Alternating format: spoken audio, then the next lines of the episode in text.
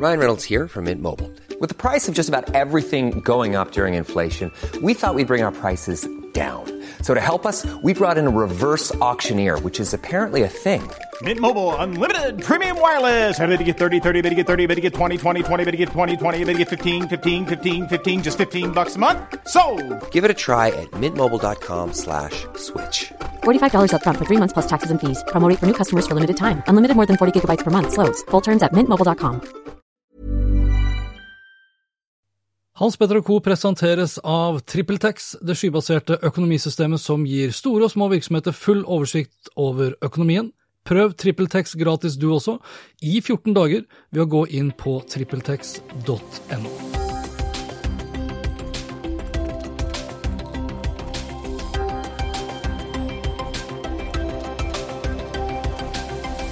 I denne episoden så får du annet høre mer om at antall delinger av nyheter via sosiale medier økte med over 20% i november.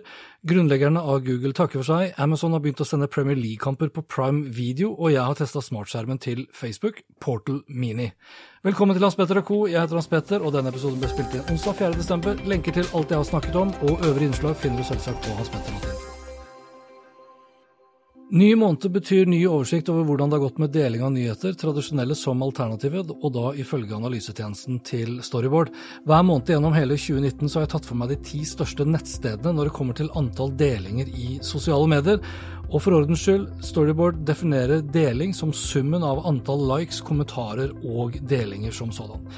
Antall delinger av nyheter via sosiale medier vokste bra fra seg i november 2019, når vi ser mot 2018, og det med hele 21% Veksten fra oktober til november var samtidig på 10% og ifølge Storyboard endte antall delinger i sosiale medier på 16,4 millioner totalt, og ikke siden mai i år har vi delt så flittig. Den største nyheten i oktober var at Aftenposten for første gang i 2019 falt utenfor topp 10-listen. Antall delinger i oktober for Aftenposten falt med hele 54% sammenlignet med 2018, og den trenden ser ut til å fortsette i november. Aftenposten er for så vidt tilbake igjen på topp 10-listen og ender på tiendeplass, men det med en negativ vekst november 2019 mot 2018 på 34% og det gjør at Aftenposten er det eneste nettstedet inne på topp 10-listen med en negativ vekst år over år når vi ser på november. For femte måned på rad så er det kun Resett og dokument.no som er inne på topp 10-listen blant de alternative nyhetsnettstedene. Resett vokste med 37% år over år, mens dokument.no kan skilte med hele 104% vekst år over år. Og samtidig banker flere andre alternative nyheter også på døra. Sosialnytt.com endte på 13.-plass, Newsner på 14., Rights.no på 15.-plass, mens nykommeren nyhetshjulet.no falt fra 19.-plass i oktober til 39.-plass nå i november. Størst vekst år over år for november er det nok en gang Dagsavisen som står for, med hele 184% Det er dog en liten nedgang fra oktober, for i oktober vokste Dagsavisen med hele 217 og selv om ikke veksten ser ut til å flate ut når vi ser år over år, så er det ganske liten vekst fra oktober til november, med kun 2 ikke siden januar 2019 har samtidig avstanden når det kommer til antall delinger vært større mellom NRK på førsteplass og nummer to på listen, som i november er VG. NRK er temmelig nøyaktig dobbelt så stor som VG. Samtidig er det også første gangen i 2019 at vi har hele fire av de ti største nettstedene inne på topp ti-listen med over én million delinger i sosiale medier. Og antall delinger er jo én ting. Antall delinger i gjennomsnitt per nyhetssak er en annen. Og NRK har flest delinger totalt, men forholdsvis få delinger i gjennomsnitt per sak. Mens NRK har et gjennomsnitt på 180 delinger per nyhetssak i november, kan de alternative nyhetskildene skilte med et mye større engasjement. Resett ligger på et snitt på 379, dokument.no på 737, Sosialnytt på 1873, Newsner på 713, Rights.no med hele 2684 og nyhetshjulet.no med 1425 delinger per sak i gjennomsnitt. Og det er heldigvis kraftig nedgang fra 4338 i oktober. Utfordringen med flere av disse alternative nyhetsstedene er jo at de skriver mye tull, eh, men også mye satire. Men satire som veldig mange ikke nødvendigvis er klar over er satire. For det kommer ikke veldig godt frem på Facebook. Det kan være lett å overse hvis man da ikke følger ekstra godt med, for det er gjerne også skrevet da med veldig liten tekst helt øverst på en side. Men det er også langt fra alt som er tull og satire.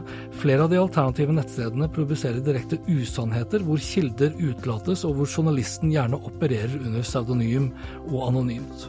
I tillegg er gjerne artiklene vinklet og vridd på for å trigge våre følelser, skape frykt og sinne, polarisere og splitte. Og fortsatt er det svært mange som ikke klarer å skille mellom fiksjon og fakta, og det tjener de alternative nyhetsstedene på, rent finansielt. Samtidig taper demokratiet vårt på nettopp det samme. Men det fins også hederlige unntak, og en av de mest delte sakene i sosiale medier i november, som ble publisert på en av de alternative nettstedene, handlet om Daniel på 13 år som har blitt mobbet så lenge han kan huske. Den ble lagt ut av Sosialnytt og ble delt over 50 000 ganger der. Det ble således den fjerde mest delte saken i sosiale medier for november. VG kastet seg også på den saken her, og har hele tre saker om Daniel inne på topp 50-listen over de mest delte sakene i november.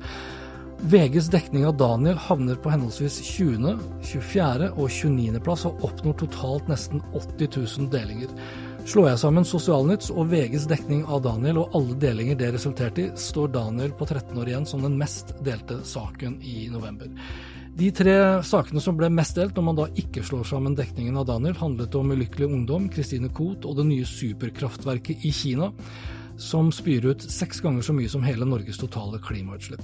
Blant de mer tabloide sakene som jeg kanskje hadde forventet å lese på Nyhetshjulet, Sosialnytt og lignende, var TV 2 sin sak som kom på femteplass. Mennesker som alltid er forsinket, lever lenger, og den ble delt nesten 46 000 ganger. Så får vi satse på da, at vi lever litt lenger ved å komme litt eh, oftere for sent i 2020. Om litt så skal du få høre mer om grunnleggerne av Google som velger å takke for seg, og Amazon som har begynt å sende Premier League-kamper på Prime Video, men først det her. Hey, it's Danny Pellegrino from Everything Iconic. Ready to upgrade your style game without blowing your budget? Check out Quince. They've got all the good stuff, shirts and polos, activewear and fine leather goods, all at 50 to 80% less than other high-end brands. And the best part? They're all about safe, ethical and responsible manufacturing. Get that luxury vibe without the luxury price tag. Hit up quince.com slash upgrade for free shipping and 365 day returns on your next order. That's quince.com slash upgrade. Hiring for your small business? If you're not looking for professionals on LinkedIn, you're looking in the wrong place. That's like looking for your car keys in a fish tank. LinkedIn helps you hire professionals you can't find anywhere else, even those who aren't actively searching for a new job but might be open to the perfect role. In a given month, over 70% of LinkedIn users don't even visit other leading job sites. So start looking in the right place. With LinkedIn, you can hire professionals like a professional. Post your free job on linkedin.com slash achieve today. I år er det fire år siden Alphabet eh, ble lansert, og da snakker jeg selvsagt om Google sitt morselskap, muligens opprettet for å gjøre det vanskeligere å splitte opp selskapet etter hvert som Google ble dominerende, ikke bare på søk, men eh, på andre områder, samtidig som de i tillegg også hele tiden ekspanderer inn i nye forretningsområder. Samme året som Alphabet ble lansert, tok også Sundar Pichai over ledelsen av Google, og nå blir Sundar toppsjefen for både Google og Alphabet, og det skjer etter at grunnleggerne av Google, Sergej Brin og Larry Page, annonserte på Google sin egen blogg tirsdag kveld 3.12. at de velger å gå av. 21 år var nok på toppen av et av verdens største selskaper. På tide å innta rollen som stolte foreldre, skriver de to grunnleggerne i et brev til aksjonærene. Men helt borte blir de jo ikke. De vil fortsatt opprettholde sin involvering i kraft av å ha etablert Google, og de vil fortsette som aksjonærer og beholde sine posisjoner i styret. Og Det har jo ikke mangla på pressedekning eh, når det kommer til denne nyheten. E24 eh, e som et eksempel skrev tirsdag kveld bl.a. det her.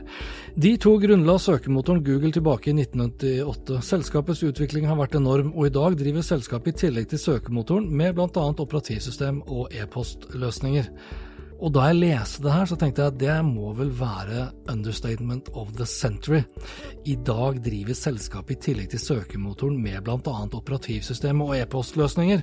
Google er jo så fryktelig mye mer enn som så, og for å være et selskap som ble grunnlagt så tidlig som i 1998, har de skapt et selskap få vil kunne klare å kopiere i ettertid. Altså 40 år før Google ble oppretta, altså i 1958, så var f.eks. gjennomsnittlig levetid for selskaper på Standard Poor sin 500-liste 61 år.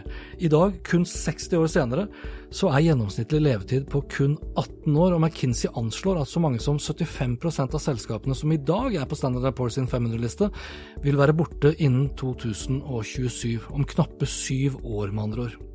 18 år i gjennomsnitt betyr at Google allerede er tre år på overtid. Samtidig så er det fryktelig lite som minner om et selskap som vil forsvinne med det første, selv etter at Sergej og Larry har valgt å trekke seg tilbake.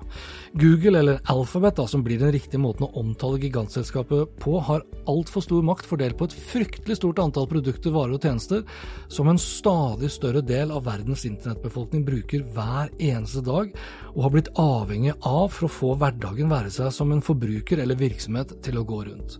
Googles søkemotor er bare ett av fryktelig mange produkter vi bruker i det daglige. Googles operativsystem for mobiler, Android, er et annet, og Gmail er et tredje. 21 år etter at selskapet ble opprettet, sitter Google eller Alphabet på ikke mindre enn ni forskjellige produkter og tjenester som har over 1 milliard brukere hver. Det siste produktet til å runde milliarden var Google Foto, som kun brukte fire år på bragden. For i tillegg til Google sin søkemotor, operativsystemet Android, e-posttjenesten Gmail og Google Foto, så har Alphabet også passert 1 milliard brukere av nettleseren Chrome, Google Drive, Google Maps, Googles PlayStore og ikke minst YouTube. Alphabets Google-søk og YouTube er f.eks. de to mest brukte nettsidene i verden og i Norge, ifølge analysetjenesten Alexa, som for øvrig er eid av Amazon. Samtidig er selskapet også involvert i så fryktelig mye mer. Google Ads er fortsatt verdens største digitale annonseplattform, og smarthøyttalerne til Google er blant de mest solgte i verden. Android er for øvrig kun ett av flere operativsystemer som kommer fra Alphabet. Chrome OS, som brukes til Google sine Chromebooks, er et annet, eller Wear OS, som brukes til Googles smartklokker og andre wearables. Og på hardware-siden så begynner det å bli en ganske så omfattende portefølje som strekker seg fra smarttelefoner til klokker, trådløse rutere, Chromecast som kobles til TV-skjermer, smarthøyttalere og f.eks. også autonome biler. I tillegg så er også Google sin skytjeneste Google Cloud Services i ferd med å bli en av de virkelig store aktørene globalt, i konkurranse med Amazon og Microsoft. Faktum er, som både er positivt og negativt, at det skal vanskelig gjøres å være tilkoblet internett i dag uten å være innom minst én Google-tjeneste. Jeg tok en rask sjekk selv for å se på hvor mange produkter og tjenester jeg bruker fra Google og det ble jo ikke så rent få. Google Søk, Gmail, Docs, Wifi, Home Assistant, NestHub, Google Nest Mini, Nest Max, Maps, Earth, Waze, Calendar, Foto, Snapseed, Google, YouTube, Chromecast, Chromecast, Audio, Android, Duo, Drive, News, Images, Translate, Keep, Ads, Tag Manager, Analytics, PlayStore, Play Music, PageSpeed, Chrome, Surveys og Podcast, og sikkert enda flere også.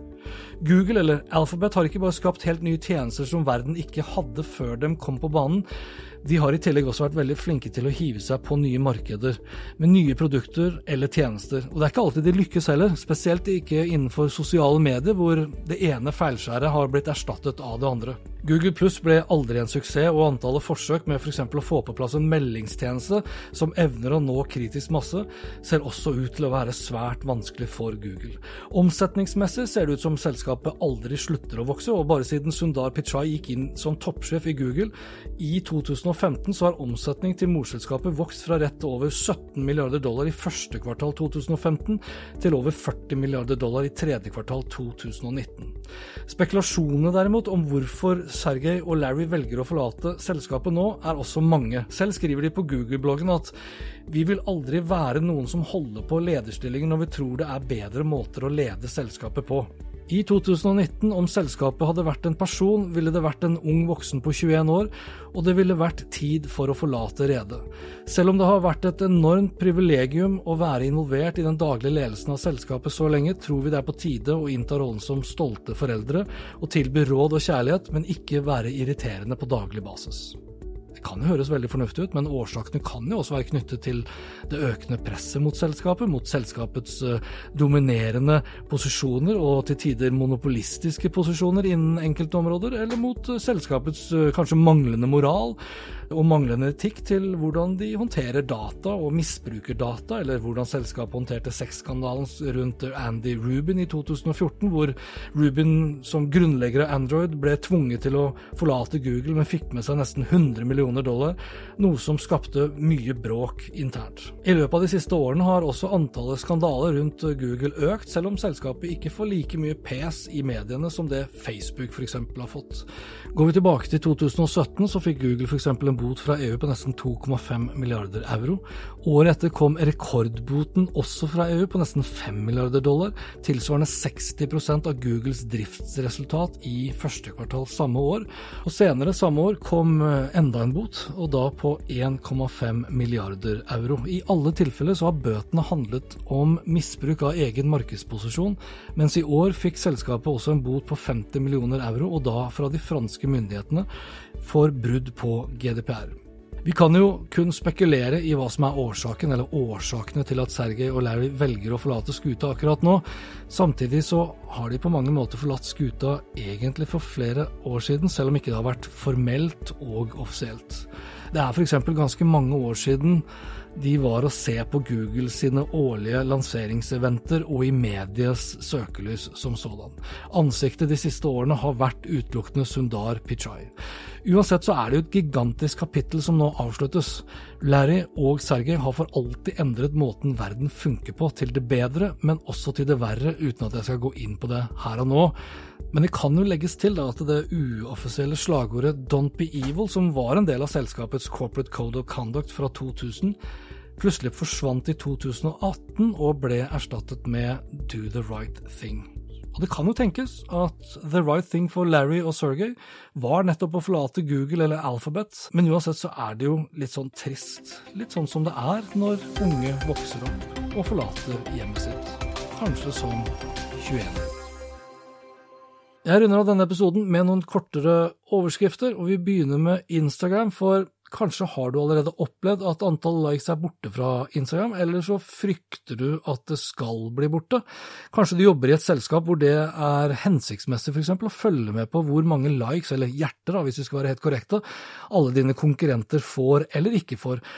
Og nå finnes det heldigvis en workaround-løsning hvis du er redd eller frykter at likesene skal bli borte. Bruker du Google sin egen nettleser nå i dag, Chrome, så kan du også da laste ned Chrome-innstikket The Return of the Likes, for da får du likesene tilbake.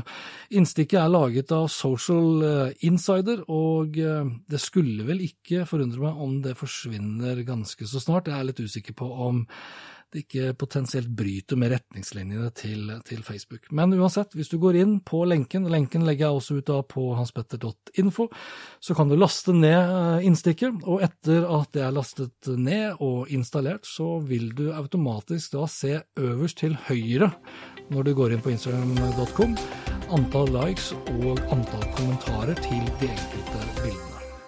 Vi skal gå fra Instagram til kunstig intelligens, og vi skal bevege oss til Australia, for delstaten New South Wales. De satt for kort tid siden i drift fotobokser for å avsløre ulovlig mobilbruk i biler og det i håp om å begrense antall trafikkulykker. Målet er å redusere antall døde i trafikken med 30% i løpet av to år, skriver Reuters. Og fotoboksene de bruker seg da av kunstig intelligens for å gjennomgå bilder og oppdage ulovlig bruk av mobiltelefoner. Bilder som systemet mener viser en fører som bruker sin smarttelefon, vil deretter gjennomgås av et menneske, skriver Reuters. Delstaten er den første i verden som tar i bruk disse fotoboksene, ifølge lokale myndigheter, og de tre første månedene så vil lovbrudd kun føre til et brev i posten med en advarsel. Etter det innføres bøter på 344 australske dollar, i overkant av 2100 kroner. Og skulle du være såpass dum at du bruker mobiltelefonen din i nærheten av skoleområder, så økes boten til 457 australske dollar. Da kan vi legge på nesten tusenlappen. Det siste syns jeg er et veldig godt tiltak. Jeg har jo egne opplevelser med å være vakt da barna skulle gå til skolen. Og min erfaring er at veldig mange foreldre kjører pent og forsiktig til de har sluppet av ungene sine utenfor skolen, og litt mindre forsiktig når ungene er ute, for da var det rimelig mange mødre som grisekjørte fra skolen, og det med mobilen tett opp til øret. My business used to be weighed down by the complexities of in person payments. Then, Tap to Pay on iPhone and Stripe came along and changed everything. With Tap to Pay on iPhone and Stripe, I streamlined my payment process effortlessly. Now I can accept in person, contactless payments right from my iPhone. No extra hardware required. What's truly remarkable is how I can cater to all of my customers' payment preferences. Whether they're using cards, Apple Pay, or other digital wallets, Tap to Pay on iPhone and Stripe ensure a smooth checkout experience every time. And it's not just me. Stripe helps businesses of all sizes, from local markets to global retailers, scale quickly and stay agile. To learn how Tap to Pay on iPhone and Stripe can help grow your revenue and reach, visit stripe.com/tapiphone. Why don't more infant formula companies use organic, grass-fed whole milk instead of skim? Why don't more infant formula companies use the latest breast milk science? Why don't more infant formula companies run their own clinical trials? Why don't more infant formula companies use more of the proteins found in breast milk? Why don't more infant formula companies have their own factories instead of outsourcing their manufacturing? We wondered the same thing. So we made ByHeart, a better formula for formula. Learn more at byheart.com. Vår egen digitaliseringsminister Nikolai Astrup tok for kort tid siden til orde for at barn skal holde seg unna smarttelefonen fram til ungdomsskolen. Det synes jeg er en dårlig idé. Det synes jeg er en dårlig idé i 2019, og det syntes jeg også, som jeg skrev, i 2015. Og det synes også Mari Velstand, som er direktør i Medietilsynet. Til Ringerikes Blad skriver Mari at eh, både foreldre og offentlige myndigheter i stedet bør gjøre sitt for at barn og unge skal utvikle kritisk medieforståelse. Dagens samfunn er i stor grad et digitalt samfunn, skriver hun. Over 90% av norske barn har smarttelefon fra 10 til 11-årsalderen, viser tall fra Medietilsynets undersøkelse Barn og medier for 2018. Å kunne utforske det digitale universet gjennom en smarttelefon kan både være positivt og viktig for utviklingen av barns kritiske medieforståelse. Livet på nett skjer ikke ved siden av det egentlige livet, men er en integrert del av hverdagen. Da er det det beste vi kan gjøre for å hjelpe barna våre, å takle de utfordringene de møter på en best mulig måte. Helt enig, for det gjør vi ikke gjennom et forbud. Det tok ikke mer enn tre måneder før samarbeidet mellom kolonial.no og Claes Olsson begynte å bære virkelig gode frukter.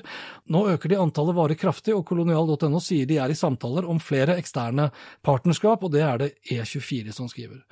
For min egen del må jeg si at frekvensen kanskje mest av alt har økt etter at de begynte å kunne levere grytidlig om morgenen, og da med bestillinger som jeg kunne legge inn da senest klokken åtte kvelden før. En av de virkelig store nyhetene siste uken, spesielt fra et mediebransjeståsted, har vært at det snart er duket for den første norske serien laget for Netflix. Lillyhammer var den første norske serien på Netflix, men den var laget for NRK og så solgt videre til Netflix. 5. desember, muligens samme dag som du hører på nettopp denne episoden her, så har Hjem til jul blitt lansert på Netflix, og det som da den første norske Netflix-serien. Og det er det jo grunn til å bli både stolte og glad av. Eller er det det? Det her er jo bra for Netflix. Og det er helt sikkert bra for Oslo Company og stjerneregissør Per Olav Sørensen, som solgte serien til Netflix som for så vidt også poengterte på TV 2 Nyhetskanalen 3.12. at Netflix var litt mer på hugget, og det var ikke de andre norske TV-kanalene. Og Per Olav Sørensen er ikke hvem som helst. Han har bl.a. Kvikksand, Nobel og Kampen om tungtvannet på samvittigheten. Spørsmålet derimot er om det her er starten på en ny trend at norske series vil flyttes i økende grad over til rene strømmeleverandører. Og tenk om det ikke bare er serier og filmer, men også kanskje idrettsarrangementer, store norske idretter, eller f.eks. fotball. For det er nettopp det som også er i ferd med å skje. Kampanje skriver 3.12. at for første gang i Premier League-historien så vil en runde ikke vises på lineær TV i England. Den vil bli strømmet på Amazon Prime Video. Og det her er ikke bare noe som kommer, men det skjer faktisk nå. Også tradisjonen om å vise Premier League lineært på TV i England stopper i kveld. For Amazon Prime sender nå eksklusivt runde 15, hvor ti kamper skal spilles i løpet av de neste dagene. I England er mesteparten av kampene delt mellom kanalene Sky Sports og BT, altså British Telecom, men to runder med totalt 20 kamper ble tilbudt andre for å se om noen av strømmetjenestene som Amazon, Netflix, Facebook, Google og Apple ville slå til, skriver BBC. Amazon har slått til og sikret seg ikke bare kamper, men en rekke profiler til å kommentere og sitte i studio, deriblant Premier League-legendene Thierry Henry og Alan Shearer. Det er ikke kjent hvor mye Amazon måtte ut med, men BBC skriver at BT tidligere har betalt 90 millioner pund for en tilsvarende pakke med 20 kamper, altså da litt over en milliard norske kroner, og det er det kampanje som skriver. Siste post på programmet er eh, Facebook Portal Mini, som jeg har testa. Eh, som ikke har kommet til Norge, men når den kommer, vil konkurrere med bl.a. Lenovo Smart Display, Google Nest Hub Max hvis den noensinne kommer til Norge, og Amazon Echo Show hvis Amazon kommer til Norge. Godt design, god lyd, strålende til å kjøre videosamtaler med Messenger, eller mot Messenger og WhatsApp, og med muligheter bl.a. for å koble til eksternt tastatur og mus, som sammen med den innebygde webbroseren gjør Facebook Portal i praksis om til en liten datamaskin du kan surfe på, kjøre Gmail på, kjøre Google Docs på, med mer. Hele testen og omtalen den kan du se og høre på youtube.com slash hpnhansen eller via hanspetter.info. Lenke finner du sammen med de øvrige sakene på hanspetter.info og artikkelen til denne episoden her. Og dette var det for denne gang. Likte du det du hørte og vil forsikre deg om at du får med deg de neste episodene, vel, da kan du abonnere på Hans Petter Co. på Apple Podcaster. Ellers er podkasten også tilgjengelig på Acast, Spotify, Google Podcast, Overcast og TuneIn Radio. Inntil neste gang, vær nysgjerrig, for det er den beste måten å møte vår digitale fremtid på. Hans Petter og Co. presenteres av TrippelTex, det skybaserte økonomisystemet som gir store og små virksomheter full oversikt over økonomien. Prøv TrippelTex gratis du også, i 14 dager, ved å gå inn på trippeltex.no.